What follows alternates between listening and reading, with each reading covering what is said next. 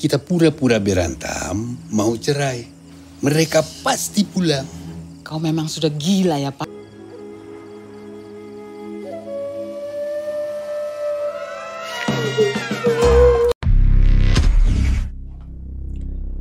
Hey, hey, hey.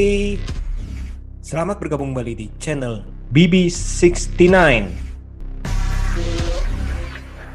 Halo, halo, halo, halo, dan halo. Selamat pagi, siang, sore, dan malam di mana pun kalian berada.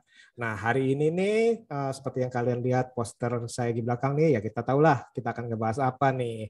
Mas Aska, Mbak Ami, gimana nih? Kalian nih uh, udah nangis berapa kali nih? Woi, langsung, langsung. Bisa langsung. Ya, soalnya kita harus minta pertanggungjawaban nih. Soalnya ini uh, di mana-mana selalu kalau saya lihat uh, apa dia postingan segala macam minta tanggung jawab, minta tanggung jawab ke orangnya katanya nih. Nah, Uh, udah nangis, penjahat, nangis. Film penjahat. Ngerti, ngerti. dua kali nonton aja masih nangis tuh gimana? Kayak mana itu caranya itu? Se- se- se- sejujurnya juga kalau saya lagi ikutan promo nobar-nobar gitu kan nangis juga. Sejujurnya saya juga bingung minta tanggung jawab ke siapa. Kalau minta tanggung jawab ke diri sendiri susah bang ya. iya makanya. Ini sebenarnya siapa yang salah ya? Lalu, lalu, lalu. Nah kalau gitu nanti kita akan telaan nih siapa yang salah nih Cia. Tapi tenang bang, ini bukan pengadilan, bukan pengadilan. Oh, oke, oke, Karena di antara kita tidak ada yang jadi pengacara.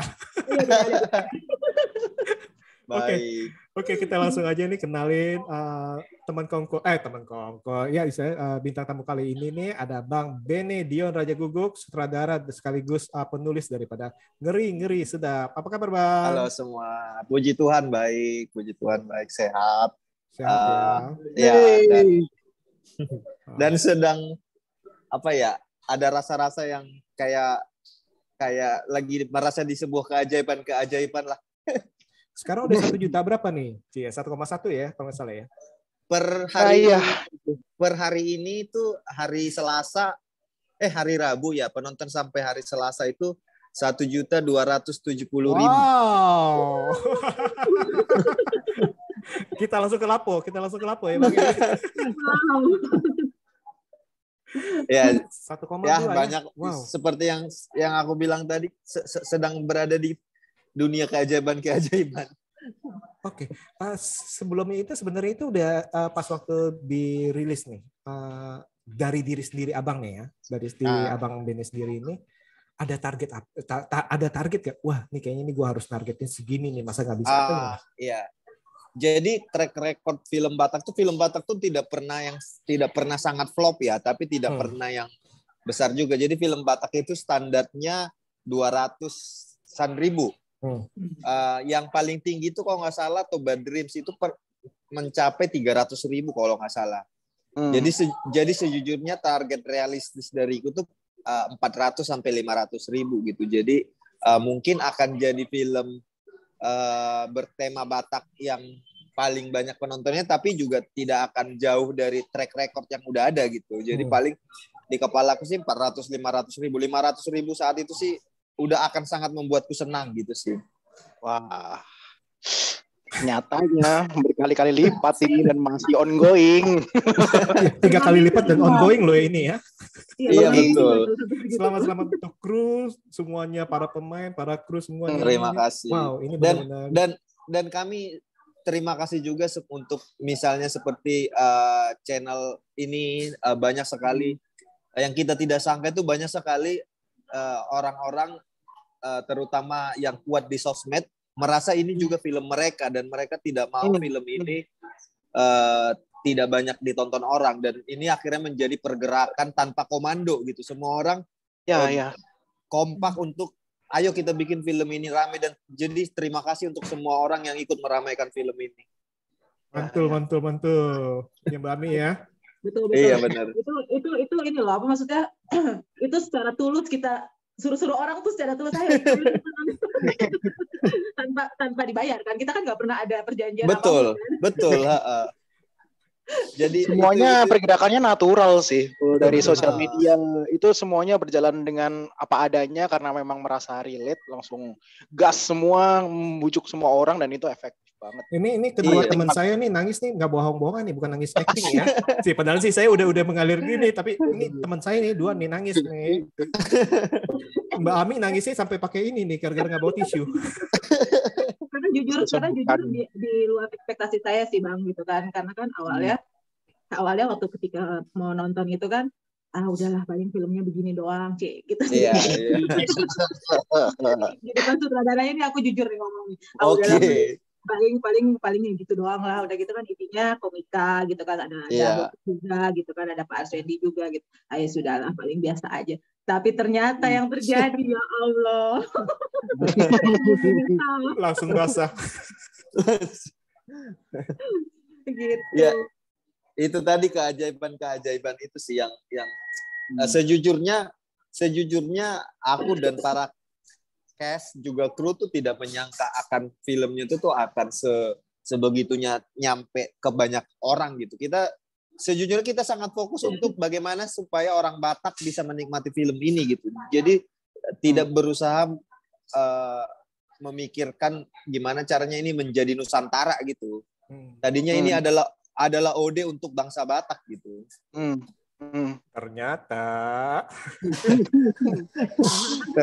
Ternyata banyak suku, banyak orang, banyak kelompok merasa film ini juga adalah uh, sesuatu yang bisa mewakili ras perasaan mereka dan mungkin uh, suku-suku yang merantau sa- jadi Hmm. sangat mendukung film ini. Jadi film ini Betul. sangat kuat di Makassar, sangat kuat di Jayapura, sangat kuat di di Kupang, di banyak daerah yang uh, masyarakatnya terbiasa merantau itu kita jadi jadi suas film yang sangat nyampe dengan kuat gitu. Padahal itu tidak sama sekali tidak kita rancang. Betul, betul. betul betul relate ya jadinya sama Iya. sama, anak-anak perantau gitu.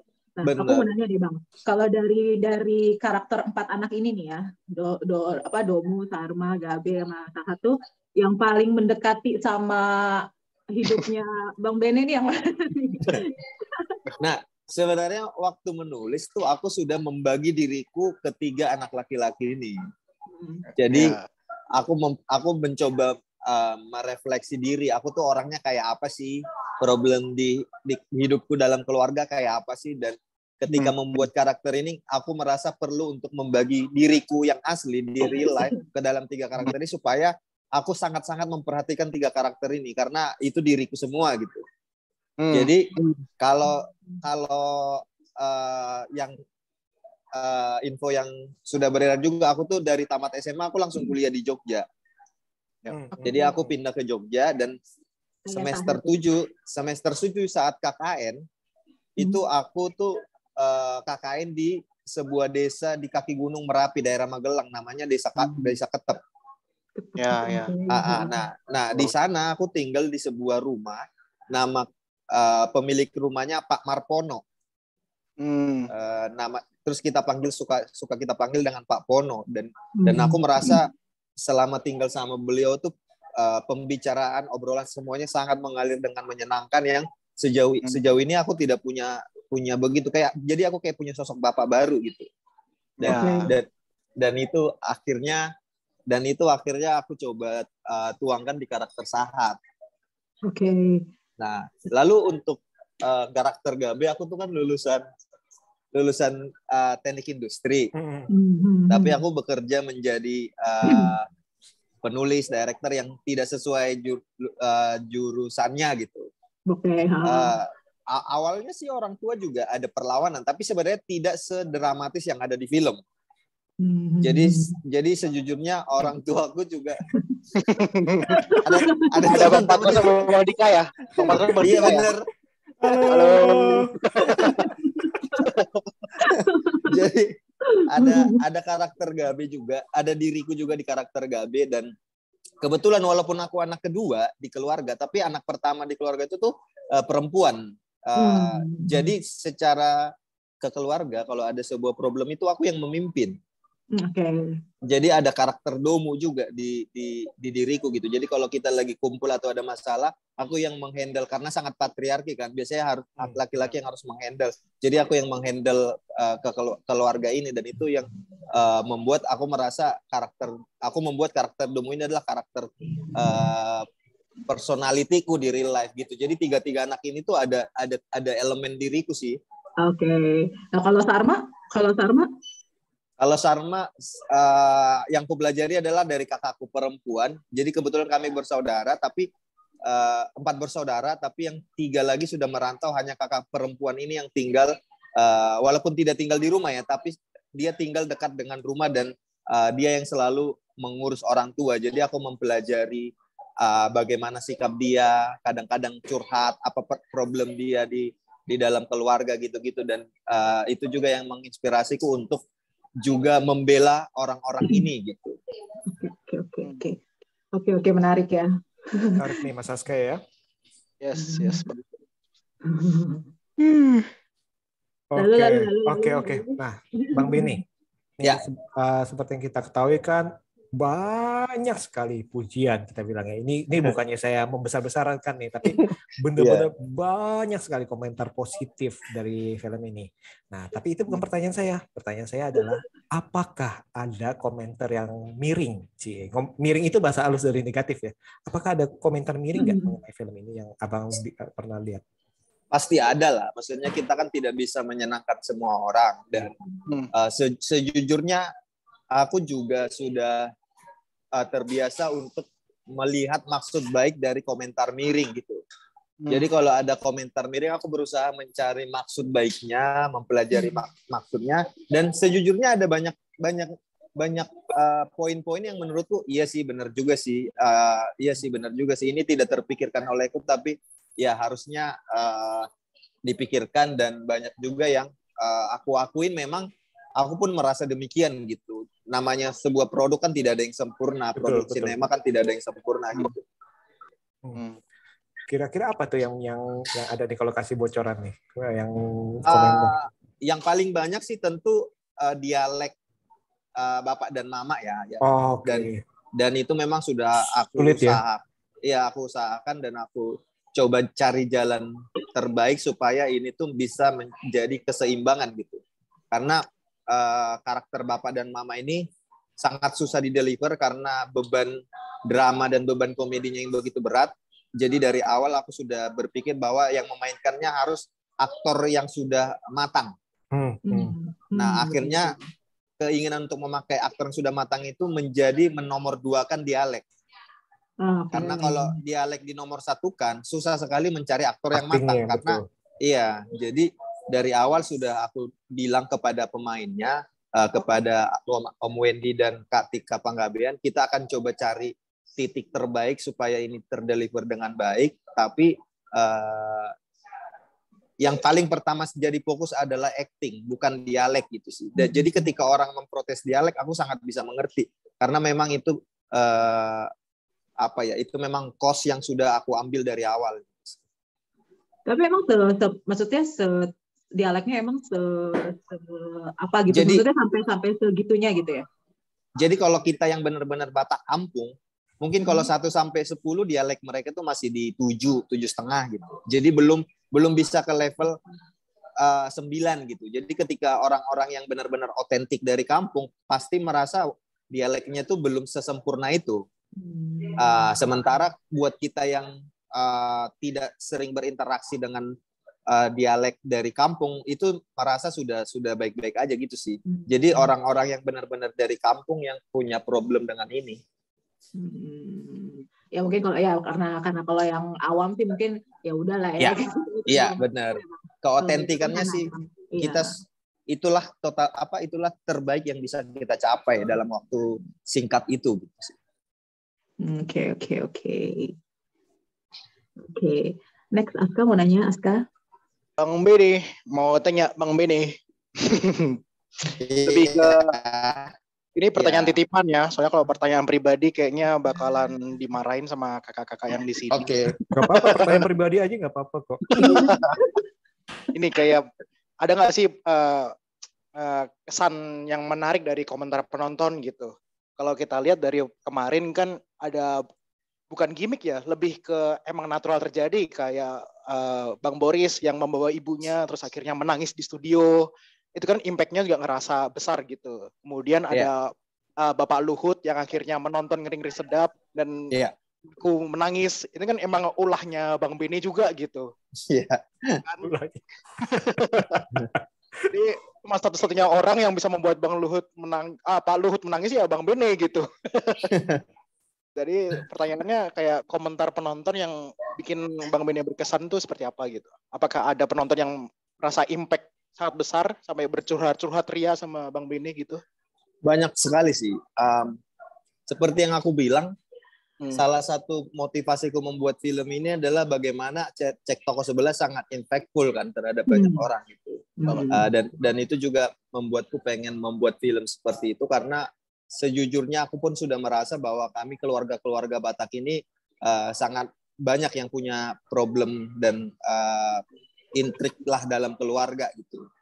Jadi ha- harapannya dengan munculnya film ini tuh menjadi pemacu atau trigger supaya kita me- mengevaluasi lagi keluarga masing-masing gitu.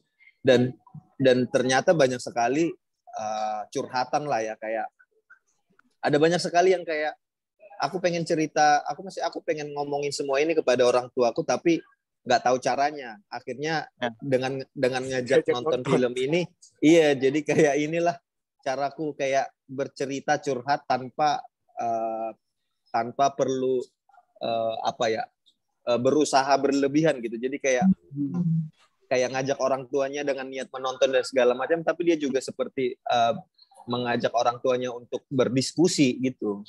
Dan Hmm. ada banyak sekali salah satu yang bikin aku kemarin juga cukup berkaca-kaca dia bilang dia punya masalah dengan uh, bapaknya, uh, Hmm. lalu dia bilang uh, dia satu tahun sudah tidak berbicara sama sekali dengan bapaknya walaupun satu Hmm. rumah. Oh. Lalu akhirnya dia bilang ke ibunya untuk ajak bapaknya nonton, terus mereka nonton uh, ke bioskop. Jadi yang bahkan yang mengajak aja dia tidak berani, dia suruh ibunya yang ngajak walaupun mereka nontonnya sama-sama. Ngajak ajak nonton, lalu selesai film katanya tanpa bicara apa pun bapaknya memeluk dia. Hmm.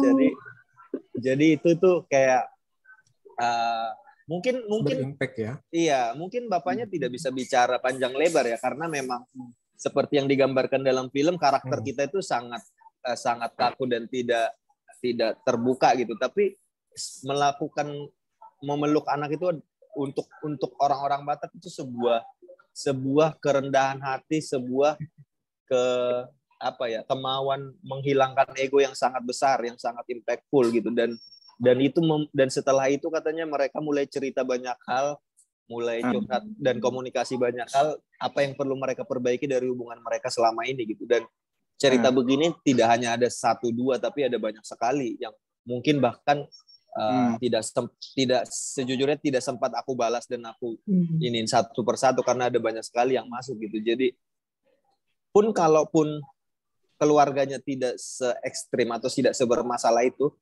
ini Hmm. juga bisa menjadi pengingat jangan sampai masuk ke jurang itu gitu sih Betul. jadi a- ada banyak sekali yang uh, merasa film ini jadi uh, sesuatu untuk dirinya seperti yang aku bikin di akhir film semoga jadi berkat gitu sih Hmm. Yes.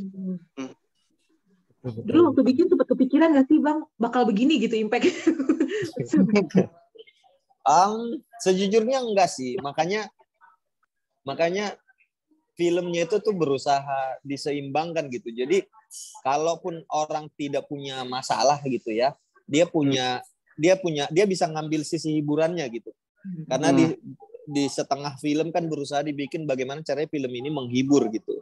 Hmm. Jadi Hmm. kalau kalaupun dia merasa filmnya eh, tidak terlalu menghibur buatnya, tapi paling tidak ada banyak eh, nilai-nilai yang bisa dibawa pulang gitu. Jadi eh, berusaha seim- se- seseimbang mungkin, tidak menggurui dan tidak sok sok pretensius gitu supaya eh, filmnya tetap bisa dinikmati banyak orang. Niatnya sih itu maksudnya jadi tontonan yang menyenangkan aja, tidak Hmm. sampai yang sejujurnya sejujurnya aku pun tidak menduga bahwa filmnya akan bikin orang nangis gitu sih.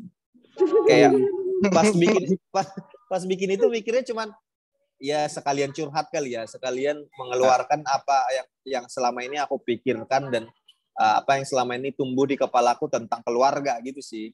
Hmm. Jadi jadi tidak yang kayak oke di sini ini pasti orang nangis, ayo kita bikin nangis. Tidak ada sih, tidak ada niat seperti itu sih. Aduh, aduh. Tapi ternyata nangis semua nih Mas Aska ya. Makanya Ya. saya juga bingung. Tapi jujur ketika waktu waktu nonton trailer pertamanya begitu dirilis itu ada rasa-rasa kayak nggak mau jujur kayak nggak mau nonton film ngeri ngeri sedap ini karena di trailer itu diceritakan eh, konfliknya adalah perceraian yang dipercandain sama ketiga anaknya bahkan sama orang Hmm. tuanya gitu jadi kesannya sebagai kalau mau curhat dikit ya sebagai eh, korban broken home kayak gitu kan Iya. kayak kesannya wah ini kenapa perceraian dipercandain gitu jadi ada rasa-rasa tidak percaya atau kayak Iya. aku trigger ketika nonton gitu. Iya. Tapi akhirnya memberanikan diri untuk menonton, ternyata impact-nya sungguh-sungguh eh, kayak melegakan. Dan itu Iya. kayak terima kasih juga untuk ke Mas Benedi, Om Bang Benedion gitulah sebagai penulis dan sutradara yang udah mendeliver gitu. Walaupun saya juga orang Jogja, orang yang kuliah di Jogja juga, jadi gitu rasanya ini bukan film tentang Batak loh, ini film tentang berbagai manusia dengan cerita-cerita anak dan orang tuanya, dengan konflik-konflik keluarga yang sangat dekat, dengan uh, hubungan dengan passion dan apa ya dengan cita-cita itu tuh semuanya emang dirangkum gitu. Nah masalahnya pertanyaannya kayak lebih ke kenapa isu perceraian yang diangkat dengan sebagai masalah besar di uh, urusan masalah keluarga ini gitu? Apakah di Batak emang sering terjadi atau itu ada personal atau gimana? Kenapa perceraian yang diangkat gitu? Um,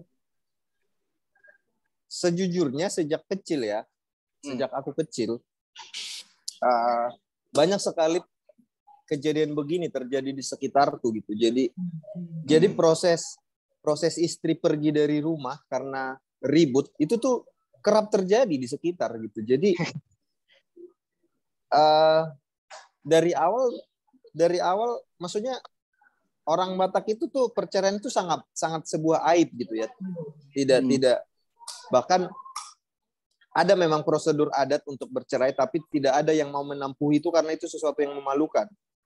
Hmm. Eh, tapi pada kenyataannya banyak sekali eh, pasangan yang tiba-tiba ribut dan eh, eh, si is- kita kita bilang istrinya kabur dari rumah gitulah. Hmm. Itu mungkin aku selama hidup itu berkali-kali dari dari kerabat yang yang mengalami itu.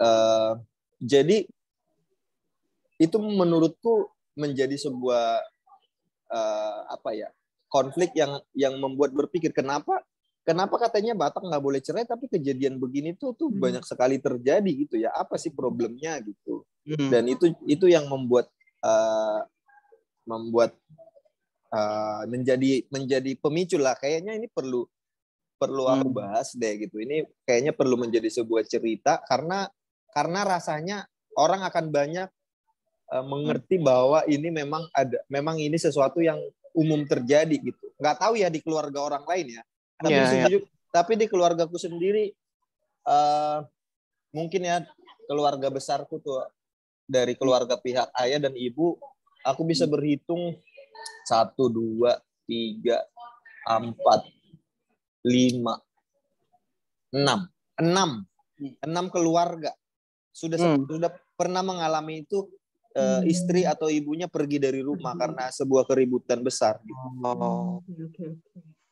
Jadi memang bukan sesuatu yang dibuat, tapi memang uh, pernah ada terjadi lah ya mungkin di Iya, sekitar kalau hidup Bung Ah, Bene ah. gitu. Hmm, hmm. Kalau di keluargaku sih seperti itu dan eh, aku tidak bisa bilang bahwa ini orang Batak begini ya, tapi yang Ya. yang yang sepanjang hidupku aku aku lihat sih ada ada kejadian begitu dan menurutku kayaknya ini penting untuk dibahas deh gitu sih. Hmm, hmm. Ya, ya. Nah itu respon keluarga yang menonton gimana? Eh ini kok kisah gue lu angkat gitu nggak? Bagaimana? Karena ada enam keluarga mereka bingung kali ya ini yang mana. Justru kan kebagusan daripada kalau kita mengangkat dari istilah yang di sekitar kita adalah uh, benar-benar membumi dan benar-benar relate kepada semua orang. Tapi kejelekannya, eh lu lu ngapain lu ngangkat ke- keluarga gue gitu enggak? Enggak ada kayak gitu bang ya? Gak ada kayak gitu. Ya, ya, ya. Ya gitu gitu sih. Um, bahkan kadang-kadang nggak tahu ya. Kadang-kadang si pergi dari rumah ini tuh menjadi strategi untuk bergaining sih. Jadi kayak misalnya dia dia sudah sangat sebel dengan suami yang tidak mau mendengarkan, dia jadi kabur supaya suaminya men- melakukan sesuatu. Jadi kayak memang jadi malah strategi yang aku lihat gitu. Strategi yang pastinya ngeri-ngeri sedap. Ya, ya. Ya, benar ya. Nah, ini juga salah satu yang diangkat juga mengenai budaya nih. Dalam arti di mana kita lihat ini eh, gimana kita bilang eh, generation gap kali, misalnya generasi tua dan Ya. generasi muda di mana oh ini budaya nih budaya harus eh, harus ada budaya pernikahan, budaya ini, budaya apa itu bahkan bahasa, panggilan, nan boru, Ya. nan tulang. Nah, itu kan macam-macam tuh. Nah, itu Ya. kan eh, bahkan sebenarnya itu bukan hanya dari suku Batak aja, bahkan misalnya dari suku suku mana aja, suku Jawa ataupun misalnya dari ras Tiongkok yang punya anak yang belum tentu bisa eh, berbahasa misalnya daerah mereka atau berbahasa misalnya Mandarin dan lain-lain. Bahkan eh, tadi itu eh, tradisi-tradisinya udah mulai tanda kutip melupakan atas nama modernisasi. Hmm. Nah, Ya. Sebenarnya Bang Bene itu ada ada kegelisahan apa nih mengenai hal itu atau ada pendapat apa? Um,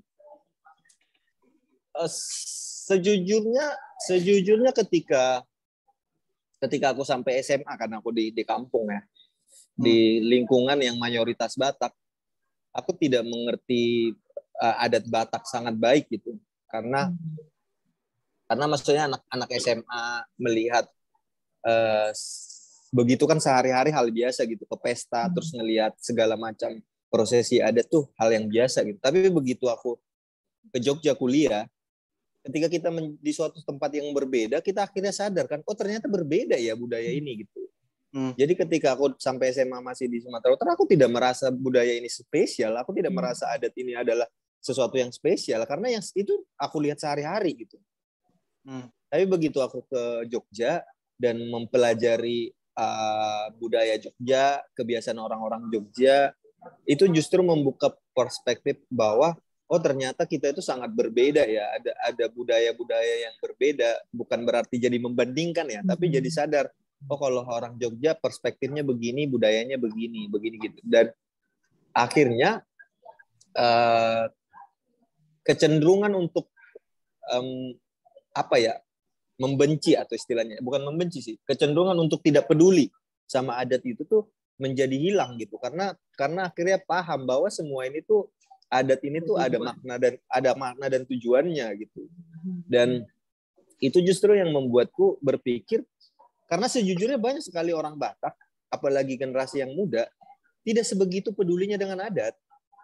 Semua sih Karena- kayaknya cuma Batak aja ya. iya karena entah kenapa ya adat ini kan sesuatu yang bagus. Tapi sesuatu itu selalu ada eh, efek baik dan buruknya gitu. Nah kadang-kadang sebagai anak muda yang tidak dijelaskan dengan baik oleh sekitar kita tuh hanya menangkap buruknya gitu. Kita tidak menangkap esensi baiknya gitu. Dan mungkin itu juga perlu menjadi bahan perenungan untuk generasi-generasi orang tua ya. Kenapa kita nggak diajarkan? Kenapa adat ini begini? Kenapa ini dilakukan, apa tujuannya. Mungkin ada orang tua yang mengajarkan itu, tapi sejujurnya banyak sekali orang tua yang tidak mengajarkan itu. Kita kayak diajak ke sebuah pesta adat, terus kita lihat misalnya ibu-ibu membungkus masakan ke dalam Mbak Ami nggak boleh ya Mbak Ami ya. kita ibu-ibu membungkus masakan kan sebagai orang anak muda kita kan berpikir apa sih ini orang gitu kan dan, dan itu akhirnya membuat kita ah orang-orang tuh gitu ngapain sih gitu dan itu tidak ada tidak ada perspektif lain gitu terus kita melihat pesta adat Batak dari siang sampai malam Hmm. ngapain sih semua ini tuh nggak dijelaskan ini tuh Hmm. adalah proses ini proses ini proses ini nggak ada yang berusaha memberitahu kita gitu dan Hmm. itu juga yang membuatku sadar bahwa eh, banyak sekali teman-temanku yang tidak peduli dan ada dan tidak mengerti gitu. Aku pun sejujurnya tidak tidak mengerti, tapi rasa ketidakpedulian itu eh, lama-lama lenyap bahwa karena kesadaran bahwa ini tuh sesuatu yang menarik dan unik gitu. Ini tuh sesuatu yang Hmm. sangat kaya, sangat penting dan harusnya dilestarikan. Dan itulah niatnya membuat film ini Hmm. dengan dengan menyadari bahwa anak-anak muda ini banyak sekali yang tidak peduli dan tidak mengerti Hmm. dan akhirnya ada kesadaran bahwa generasi-generasi bahwa iya ya kenapa kita tidak sepeduli ini ya padahal ini kan ada makna baiknya kayak misalnya pesta adat yang dilakukan opung itu Hmm. kita kan anak-anak muda pasti berpikir aduh pesta apa sih itu keluar biaya dan segala macam tapi Betul, begitu betul. dijelaskan begitu Hmm. dijelaskan itu tuh Ya. kan akhirnya kita mengerti oh itu alasannya itu dilakukan dan itu tuh penting karena itu ternyata kebahagiaan buat opungnya pesta itu Hmm. dilakukan itu dia sangat bahagia dan kebahagiaan opung kan sesuatu yang penting gitu Hmm. Dan akhirnya kita akhirnya kita yang generasi muda yang tadinya tidak peduli ini mulai mempelajari oh ada ini tujuannya ada ini tujuannya ada ini tujuannya. Eh, jadi rasanya nanti akan menjadi trigger untuk kita lagi lebih peduli dengan budaya ini.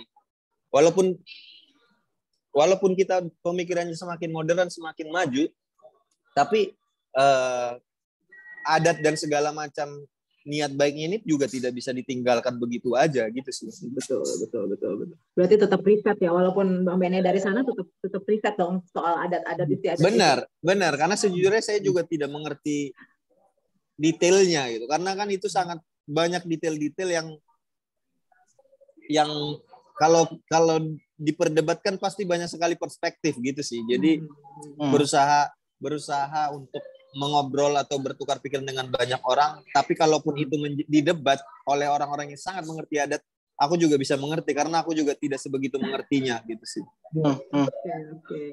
Ya, ya bicara tentang budaya, sebenarnya impact dari ngeri-ngeri sedap tuh udah gede banget ya. Kemarin uh, ada, ada orang yang datang ke Bali G itu demi ke rumahnya Iya, keluarga iya, betul, betul. Bapak Domo sampai ke rumah mertua itu itu seperti efek-efek seperti di Laskar Pelangi ketika SD SD Muhammadiyah Gantong ketika viral mulai rame Ngeri-ngeri sedap itu juga punya efek semacam itu. Jadi ini bukan film yang eh, sebuah satu regional aja, tapi ini nasional aja gitu. Akhirnya orang yang jauh jadi penasaran pengen ke Bali G, pengen ke Danau Toba yang bentuknya kayak green screen itu gitu kan. Saya udah lama lo nggak kenal Eropa. Saya 2008, 2008. itu yang perlu diapresiasi terus eh, kembali ke masalah kuliner juga itu udah mulai impactnya banyak banyak orang tanya gitu mie gomak ini apa spaghetti kok ada kuah santannya gitu bahkan sampai ngulik pertanyaan mungkin simple cari mie gomak di Jakarta di mana bang Bene Nah, ah, rekomendasi. Otentik yang endorsean, otentik bukan di mana. Bang?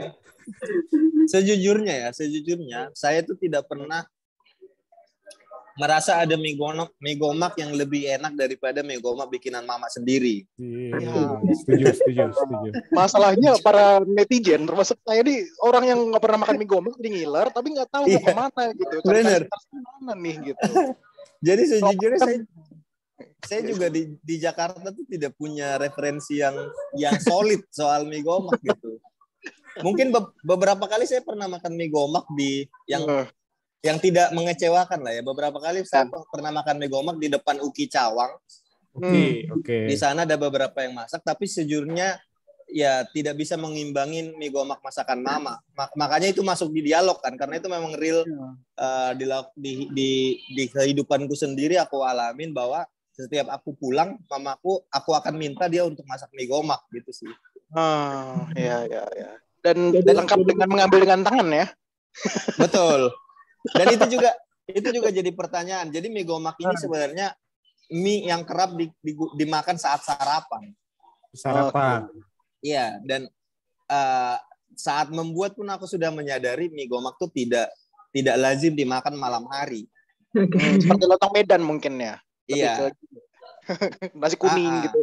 Ah, am, jadi eh, aku membuat adegan mereka makan malam mie gomak karena memang anak ibunya paham bahwa ini adalah masakan kesukaan anak-anaknya Iya. dan anak-anaknya pertama kali makan Baru dia malam datang. hari. Hmm. Jadi ketika ada orang-orang yang sangat otentik Batak mengerti dan mereka protes, aku bisa mengerti sih gitu sih. Wow, wow, wow. Jadi efeknya emang bukan cuma dari ngeru- ngerusak eh, apa ya? Ngerusak perasaan tapi ngerusak perut juga jadi selama itu lapar nih saya. nangis itu kesel banget rasanya ya emang jahat kali film ini Bukan saya yang ngomong ya bang ya. saya ngomong film ini baik loh, bukan jahat. Saya ngomong Ini- jahat, jahat yang itu tuh. ini cara Karena nangis lapar tapi dia bener. positif ya Iya, iya. positif ini. Iya, soalnya soalnya kita duduk sebelahan terus gitu, habis ketawa, "Ah, pe, kenapa? Dua-duanya nggak bawa tisu lagi katanya itu bang. Untuk pakai jilbab tinggal lah, nggak usah pakai tisu. Kalau kalau balik ke filmnya gitu ya bang. Yang menarik tuh ya tadi kan kita udah ceritakan tantangannya kan soal soal adat itu. Terus selain itu apa tuh yang menarik dan tantangan-tantangan selama pembuatan film ini bang? Um, cuaca sih ya, cuaca sih yang paling yang paling membuat kita uh, deg-degan ya, karena seperti biasa cuaca di bukit itu kan di daerah yang berbukit-bukit itu tinggi gitu itu tuh sangat sulit sangat susah di sangat susah di diprediksi ya. Sangat susah diramalkan. Dan kita sejujurnya dari awal syuting juga sudah deg-degan karena kita syuting di sana 14 hari. Hmm. Ramalan ramalan cuaca bilang 12 hari su- 12 hari hujan. Jadi dua harinya tenang jadi dua. Iya, Agak lain kita- emang. agak Hmm. lain. Dan dan uh, mungkin juga berkat Tuhan, penyertaan uh, semesta dan segala macam gitu. Akhirnya dari 14 hari itu yang benar-benar hujan hanya empat hari. oh, alhamdulillah Ah, tapi tapi itu juga itu, itu juga cukup merepotkan kita karena ada ada dari empat hari ini ada dua atau tiga hari yang hujannya itu stabil sekitar enam jam lebih Hmm. Wow. dan dan itu yang uh, membuat kita sendiri uh, deg-degan gitu setiap hari hujan nggak ya apalagi kalau adegan-adegannya outdoor kita Hmm. benar-benar deg-degan ini gimana kalau hujan dan segala macam jadi uh, setiap hari itu planning ke depan itu tuh berubah terus berubah terus berubah terus gitu karena kita harus menyesuaikan cuaca dan segala macam itu sih yang paling yang paling menantang sih itu sisanya sih sisanya Hmm. sih cukup terkendali dan cukup menyenangkan semua Hmm. bahkan ada yang sakit juga kan ya Boris sama. Gita kan kalau nggak salah Iya. sakit ya. Ah, ah, itu itu di luar kendali kita juga, tapi eh, puji Tuhannya semuanya masih kita bisa cari solusinya dan eh, terkendali dengan baik sih. Ya. Hmm. Ya. Oke oke bang. Ah, ini juga film ini kan eh, jujur nih selain hangat dari cerita segala macam ya, eh, ceritanya hangat, bahkan Hmm. membuat orang-orang eh, istilahnya terenyuh. Bahkan tadi itu menjadi istilahnya satu media kalau kita ini nggak bisa mengungkapkan perasaan kita kepada orang tua, paling gampang udahlah gue aja nih orang tua gue istilahnya. Nih nonton nih, jadi lu, lu tahu isi hati gue istilahnya mungkin seperti itu ya. Tapi selain itu film ini eh, saya akui benar-benar saya akui ini dan banyak diakui oleh eh, teman-teman saya ini ini indah dalam eh, pengambilan gambarnya, Hmm. dalam arti dalam shot-shot, long shotnya segala macam, eh, bahkan dalam pengadegannya. Nah, kalau boleh tahu nih, kira-kira ada sineas atau film-film apa gak yang bisa yang bisa menginspirasi atau yang mempengaruhi Bang Benny? Oke, em, sebenarnya aku tuh bukan eh, tipe orang yang punya idola gitu ya, Hmm. yang eh, pengen aku tiru atau aku eh, samain gitu cara dia bercerita gitu. Jadi tidak ada satu director atau film yang khusus yang benar-benar eh, menjadi contoh gitu ya. Tapi ketika membuat deck untuk menjelaskan ke investor, ketika membuat deck untuk menjelaskan kepada kru, kira-kira seperti apa yang aku pengen tuh ada tiga yang menjadi referensi. Jadi untuk eh, drama, untuk cerita, referensinya yang aku jelaskan kepada semuanya adalah eh, ini film mungkin secara drama akan dekat dengan nanti kita cerita tentang hari ini. Itu untuk referensi eh, penggalian drama dan segala macam. Lalu Hmm. untuk referensi komedi yang menjadi eh, referensinya adalah sebuah series bikinan Ricky Gervais judulnya Afterlife. Ada di Netflix. Ya Afterlife. oke. Oh. Afterlife Af- Afterlife ini adalah sebuah series dia sih mengakunya sitkom Hmm. tapi eh, cerita dan komedinya sangat tragis. Hmm, black comedy. Jadi iya black comedy. Jadi eh, ini yang membuat ketika menonton ini juga yang men-trigger aku kayaknya aku pengen bikin sesuatu yang komedinya itu tuh eh, kita ketawa tapi habis itu ada sebuah perenungan yang di-trigger dari komedinya gitu. Jadi misalnya ketika misalnya ketika seperti ibu-ibu di pesta tadi, dia dia makanannya datang dia masukin ke dalam tas, itu kan lucu. Tapi harapanku memang kelucuan ini men-trigger uh, penonton untuk berpikir kenapa ya ibu itu melakukan itu? Hmm. Apa ya apa ya sesuatu di balik kejadian ini segala macam. Jadi komedi yang berusaha dihadirkan tidak sekedar adalah komedi aja gitu. Ada ada ada misi khususnya juga. Seperti selanjutnya Sahat yang salah memanggil hmm. itu memang hmm. lucu. Tapi hmm. niatku adalah sekaligus mengkritik kita anak-anak muda kenapa kita tidak tahu cara memanggil orang gitu, cara memanggil kerabat sesuai uh, sesuai adat gitu. Padahal se sejauh ini anak uh, si Sahat itu sampai SMP masih di kampung gitu. Hmm. Dan dan itu harusnya uh, menjadi uh, bahan refleksi gitu. Jadi orang tertawa tapi ada sesuatu yang dipikirkan, direnungkan gitu. Itu hmm. untuk untuk komedi uh, Afterlife aku belajar banyak dari series itu. Lalu untuk uh, sinematografi aku juga banyak mengambil cara uh, Parasite mendeliver hmm. gambarnya. Okay. Jadi ada beberapa teknik dari Parasite yang uh, aku pengen dan aku bilang ke director of fotografinya, Bang, kita bisa bikin begini nggak adegannya atau uh, sinematografinya gitu sih. Jadi tiga film itu sih yang menjadi referensi yang sering walaupun hmm. tidak plek-plekan harus begitu semua ya. Hmm. Wow, wow, wow. Keren ya Aska ya. Sampai wow ternyata banyak banget ya referensinya ya gitu. Dan, referensinya memang oke-oke juga ya. Tapi ya, terlalu dibawa jadi membumi kan jadi kita nggak ngerasa ini referensinya nyaplok ke mana-mana yeah. itu itu yang kita hmm. rasakan sih jadi nggak kerasa ini kayak Parasite banget nih ini kayak ini banget jadi kita nggak pernah membandingkan ceritanya akhirnya gitu iya yeah. yang rasa karena hmm. karena memang niatnya juga tidak pengen menjadi seperti film ini seperti film ini tidak ada niat itu juga sih yeah. itu itu hebatnya Bang Benedian sebagai penulis dan sutradara Jilat terus.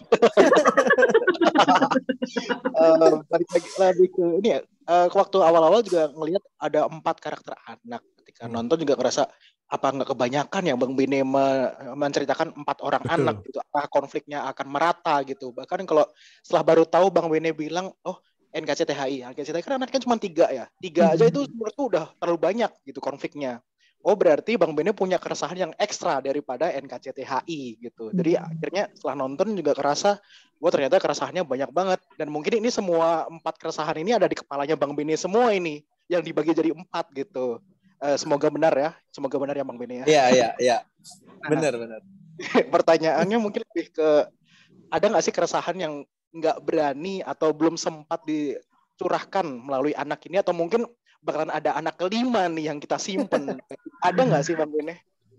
Um, jadi jadi proses kreatifnya begini kira-kira. Aku membuat membuat sinopsis hmm. uh, kejadian yang major yang gede di dalam film menjadi sebuah cerita. Hmm. Lalu dalam setiap lalu setelah struktur ini jadi aku mengelis keresahan-keresahan yang aku miliki. Hmm. Apa saja semuanya terkait dalam keluarga, terkait adat, terkait interaksi semuanya. Aku list keresahan-keresahan yang aku punya.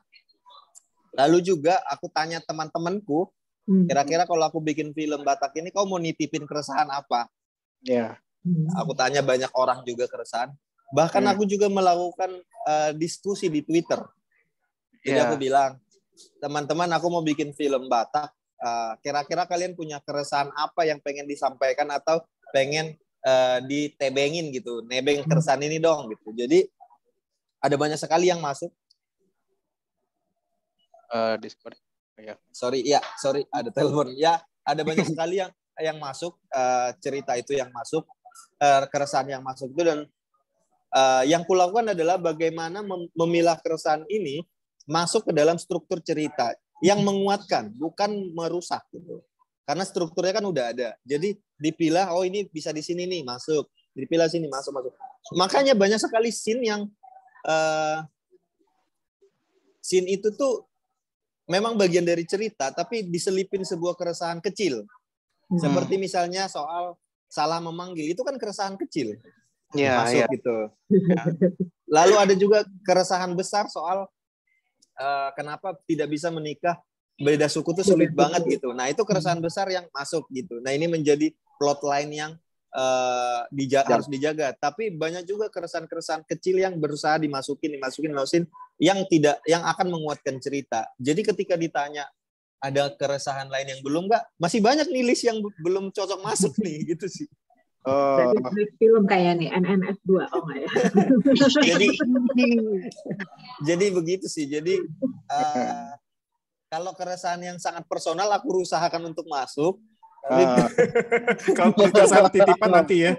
yang titipan-titipan ya kita Waiting lihat list. yang waiting list waiting list bener waiting list boleh boleh. Tapi ini keren sih Mas Aska, Mbak Ami. Dalam arti eh, ini kan eh, Bang Benny ini sebagai sutradara dan penulis ini juga bisa memasukkan begitu banyak kita ngomong baik itu eh, keresahan kecil yang tadi bilang itu maupun keresahan besar eh, dengan halus tanpa tanpa nih tanpa kita merasa digurui, Digurui. dikotbahi bahkan misalnya kita ngomong oh ini keresahannya gini-gini. Bahkan nggak nggak seperti itu nih. Dalam arti tapi dan itu deliver gitu. Dan istilahnya bukan Hmm. seperti kadang-kadang kan kalau kita nonton beberapa film kan ada beberapa yang ingin uh, baik itu film film aksi atau film drama kadang-kadang itu uh, memberikan keresahan itu kayak ka- agak kasar istilahnya. Jadi istilah ini kok kayak Hmm. dikotbahin istilahnya kayak digurui kayak istilahnya menyampaikan keresahannya juga sang antagonis berkata-kata oh di keresahan adalah negara gini gini gini. Masih kayak gitu-gitu. Tapi ini nih kok bisa bisa halus nih mas? Triknya gimana mas? Aduh triknya apa ya? Masalah pribadi kayaknya. Mu- mungkin ya. Canda. Bang. Sejujurnya bingung juga ya apa triknya ya jadi yang yang aku Mengalir lakukan aja. iya yang aku lakukan kan menulis dengan setulus mungkin aja sih ini kayaknya eh jadi jadi ketika menulis itu tuh ada niat untuk tidak menghakimi pihak mana pun Hmm, hmm, hmm. Ah, jadi mungkin itu yang membuat akhirnya berpikir sa- sangat detail bagaimana mendeliver ini. Jadi misalnya ketika mengasih tahu bahwa bapak itu tidak mau anaknya menikah secara adat, eh menikah beda suku karena dia mungkin akan itu akan menjadi sesuatu yang memalukan buat dia di dalam eh, circle dia gitu. nggak bisa bawa marga kan kalau Iya, Kalau nggak bisa bawa marga dan itu tuh jadi seperti eh, nanti dia akan jadi bahan omongan lah di di lapo dan segala macamnya. Nah, bagaimana cara mendeliver ini tanpa membuat bapaknya itu eh, karakter yang menyebalkan gitu. Dan bagaimana juga membuat ini men- untuk karakter-karakter bapak-bapak di lapo yang em, bertanya soal itu tidak juga menyebalkan gitu. Iya. Hmm. Jadi kita kita tuh merasa semua masalahnya itu eh, masuk akal tanpa membuat karakternya menyebalkan. Itu sih yang menjadi pertimbangan. Jadi kalau misalnya bapak-bapak di Lapo menghakimi Pak Domo karena anaknya mau kawin sama Sunda, tapi cara mendelivernya menyebalkan, Hmm. orang malah di- jadi orang malah jadi benci sama bapak-bapak di Lapo ini. betul betul Gitu. Nah, yang aku lakukan adalah berhati-hati memilih kalimat, berhati-hati memilih cara dia menyampaikan kegelisahannya supaya orang mengerti maksudnya, tapi orang tidak kayak apaan sih ini bapak-bapak di lapo gitu sih. Hmm. Ya. benar-benar nanti juga akan ada isu ras juga jadinya kan kalau salah memilih Benar. Nah itu dia, Iya. sangat-sangat sangat-sangat memikirkan itu. Jangan sampai kesannya orang Batak tuh kayak enggak kayak menganggap suku lain segala macam begitulah, tidak apa, tidak eh, sama dan segala macam. Itu juga yang eh, selalu dipikirkan. Ini ini jahat nggak ya? Kalimat ini jahat nggak ya? Gitu-gitu sih. Hmm. benar-benar benar nah kalau dampak buat buat orang lain kan film ini tuh udah kelihatan tuh ya mas ya. Semua orang kan pasti DM atau semua orang Iya. udah posting story gitu. Kalau buat bang Bene sendiri nih apa nih dampaknya nih? Dampak film ini ya sejujurnya aku juga merenungi diriku sendiri ya. Maksudnya eh, mungkin mungkin sebelum bikin film ini perspektifku seperti ini. Tapi setelah film ini jadi dan eh, melihat re- reaksi orang itu juga men-trigger aku untuk memikirkan kembali diri diri sendiri gitulah jadi dampak baiknya ya aku juga ikut tumbuh jadinya Hmm. uh, uh, bagaimana menjaga hubungan lebih baik dengan keluarga, uh, bagaimana berkomunikasi dengan baik dengan keluarga. Jadi kayak kayak pas nonton itu ada tiba-tiba seperti bukan aku yang bikin, jadi kayak oh iya juga ya, oh iya juga ya. jadi, jadi kaget sendiri oh iya ya jadi kayak jadi kayak tamparan buat diri sendiri juga. Benar, benar. Kira-kira begitulah. Karena ya itu tadi proses penulisannya cukup lama. Kadang-kadang kan aku lupa pernah punya pemikiran begini terus aku tulis lupa gitu. Terus begitu nonton, oh iya ya, harusnya gini ya gitu. Padahal itu sebenarnya dulu dari kepalaku sendiri juga gitu sih. Oke, oke. Oke menarik menarik. Nah, Mas Aska ada pertanyaan lagi kan nih sebelum kita masuk ke pertanyaan dua pertanyaan terakhir nih. Eh, silakan silakan. Enggak ada enggak ada. Nah, Lebih pertanyaan, pertanyaan yang pertama itu adalah eh, ada nggak proyek impian yang masih belum terrealisasi? Misalnya nih, Bang Benny, oh saya pengen membuat superhero atau saya membuat eh, science fiction eh, seperti Star Wars atau saya ingin membuat film horor seperti Conjuring misalkan atau atau istilahnya fi- film sejarah. Kan banyak nih sejarah sejarah tanah Batak misalkan. Ah, Ya. ah, atau apa? Itu pertanyaan pertama. Nah yang pertanyaan kedua itu eh, kira-kira nih pertanyaan penutup- pesan untuk mereka untuk menonton film ini. Jadi yang pertanyaan pertama dulu deh. Oke. Um, sebenarnya ada sebuah proyek yang pengen sekali eh, aku aku lakukan eh, sudah ada premisnya juga tapi aku merasa belum siap dan belum punya kedewasaan untuk menggarapnya karena eh, misinya dan ceritanya itu sangat-sangat sensitif. Hmm. Eh, mungkin referensinya film Pike. Oke oke jadi mengenai ketuhanan juga Iya, kira-kira keimanan begitulah. Nan- Iya. hati-hati bang nanti eh, Pak Pendeta datang naik motor Amang, amang, amang. hati-hati hati-hati Promo senyum-senyum nanti. Betul. Jadi itu adalah passion project selanjutnya, tapi nggak tahu itu akan terjadi atau apakah aku punya keberanian melakukannya. Tapi itu sebuah passion project yang uh, sekitar 3-4 tahun lalu ketemu premisnya dan uh, keresahannya juga cukup banyak. Tapi ya itu tadi sangat-sangat pinggir jurang dan harus sangat hati-hati gitu sih. Berhasil ataupun ataupun akan Atau jatuh, ngeri jatuh ke jurang. Nggak sedap lagi tuh. Oke oke oke oke. Jadi istilahnya eh, ingin mengangkat hal itu emang sih itu itu cukup eh, cukup menarik untuk diangkat tapi sensitifnya itu loh. Oke. Nah kalau gitu kalau ini pertanyaan terakhir yang tadi saya tanya itu eh, kira-kira nih eh, ada pesan nggak untuk mereka yang ingin menonton film ngeri-ngeri sedap nih?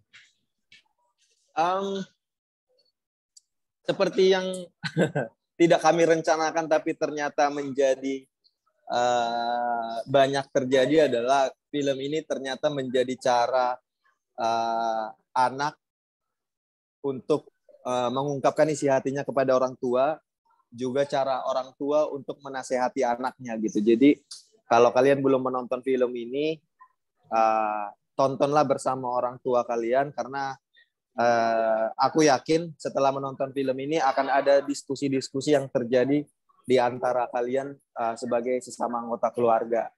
Eh, dan itu memang niat eh, yang aku lakukan supaya ketika keluarga aku nonton ini kami jadi berdiskusi gitu sih. Hmm. Oke, oke. Oke, oke, Jadi, tapi sebelum terakhir, ya. sebelum, sebelum terakhir aku mau nanya dulu satu lagi ya Mas Mas Dewan ya. Hmm, hmm, hmm, silakan. Kan ini kita udah lihat nih ya, ini berhasil nih ya, udah sampai sejauh ini kan maksudnya udah berhasil ya. Eh, ada mau bikin eh, sequel atau spin off dari ngeri-ngeri sedap? Atau atau Um, prequel dari Budomu Oh, dan ya, atau Padomu. prequel betul bisa. Sejujurnya untuk dalam waktu sangat dekat eh, ti- tidak belum ada kepikiran sih karena banyak sekali eh, maksudnya aku sadar ada banyak sekali keajaiban di film ini. Jadi kalau dibik- disuruh bikin sesuatu Hmm. se- melanjutkan aku tidak yakin itu keajaiban itu bisa datang lagi gitu. Jadi Hmm. ada kekhawatiran membuat selanjutnya jadi hanya untuk masalah uang aja gitu sih. Ya, Tapi aku tidak menutup kemungkinan siapa tahu ada ada Ya, sesuatu yang terjadi gitu. Tapi dalam waktu dekat sih masih memikirkan bahwa ini sesuatu yang uh, sulit diulang dan Hmm. uh, tidak mau mencoba untuk mengambil resiko itu gitu sih. Iya, Ya, ya. Mungkin lahir anak kelima, Bang Oki, Oki Rengga mungkin anak kelimanya gitu. Setelah nggak jadi kira ya, jadi Kenapa anak kelima ya. kenapa cepat sekali gedenya ya anak kelima ini? Mungkin itu anak yang terbuang kan kayak Fast and Furious tiba-tiba punya adik tuh Vin Diesel nih kan. Adopsi ya, diadopsi. Aduh. Oh ya Bang Bene, ini saya hampir lupa lagi nih. Eh, 1,2 merupakan pencapaian yang cukup wow kita akui. Ini akan menjadi momok buat Bang Bene atau menjadi cambukan untuk karya selanjutnya. Aduh. sejujurnya sejujurnya um, sejujurnya saya berusaha untuk punya mindset bahwa ketika membuat selanjutnya jangan ada efek sebelumnya gitu sih. Hmm. Hmm. Walaupun sangat akan sangat sulit, benar eh, akan sangat sulit. Tapi kenyataannya itu eh, menurut saya berhasil saya lakukan dari meninggalkan momok ghostwriter gitu karena Hmm. karena ghostwriter kan eh, dikatakan banyak orang cukup berhasil juga dan waktu itu jadi beban ketika saya bikin film kedua tapi saya berusaha untuk eh, berpikir setiap membuat film saya ini adalah film pertama selalu begitu sih Eh, jadi harapannya semoga itu juga terjadi lagi ke film ketiga bahwa saya melupakan pernah bikin ghostwriter dan pernah bikin ngeri-ngeri sedap Hmm. Hmm. Jadi seolah-olah itu jadi nggak ada beban beban Iya. mental ya istilahnya Bener. itu ya. Hmm. Hmm. Oke oke menarik ya Mas Aska ya. Ya menarik banget. Berapa juta nih Bang kira-kira asik.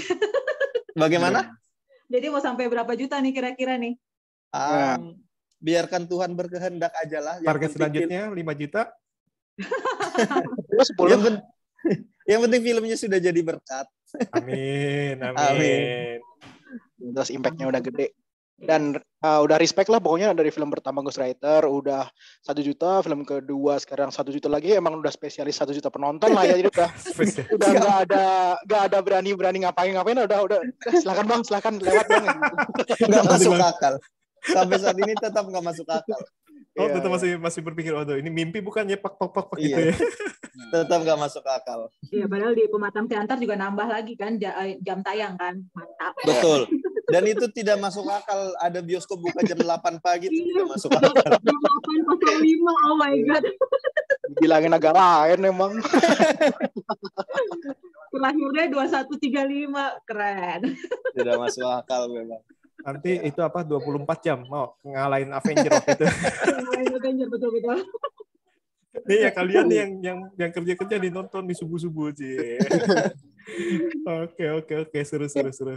Nih terima kasih banget nih kita nih udah Terima ngobrol kasih. mengenai apa film thank you. sedap nih Abang Thank you banget. Dion Raja Guguk yang uh, pemerannya ada Mas uh, Pak Aswendi terus ada Mbak Tika Panggabean terus Mas Hmm. Boris Bokir uh, Mbak Hmm. Gita Bebita uh, Mas Lolox dan Mas Indra Jegel. Nah, ini juga nama apa soundtracknya jangan lupa dengerin nih si Iya, Mas uh, Vicky Sianipar nih saya dengerin terus nih walaupun saya nggak ngerti bahasanya udahlah inget-inget aja inget-inget scene-scene-nya aja lah. Nah, itu, itu indah indah. Emang beliau kan uh, kalau nulis lagu kan keren. Oke makasih Hmm. banget nih Bang Bini nih. Terima uh, udah kasih. menyempatkan waktunya nih. Jadi untuk kalian nih jangan lupa nonton ngeri-ngeri sedap masih di bioskop nih. Dan kalian Hmm. bawa tadi itu bawa orang tua kalian supaya kalian bisa aduh ini gue ngomong apa ke orang tua gue ya? Kegelisahan gue bawa aja nonton deh. Nangis nangis bareng deh. Oke oke kalau gitu. Makasih ya mbak ah, Mas Aska ah, mbak Ami ya oke Thank you Mas Benny, juga, Bang Benny. Thank terima you. kasih dan see you Maaf kalau ada salah omong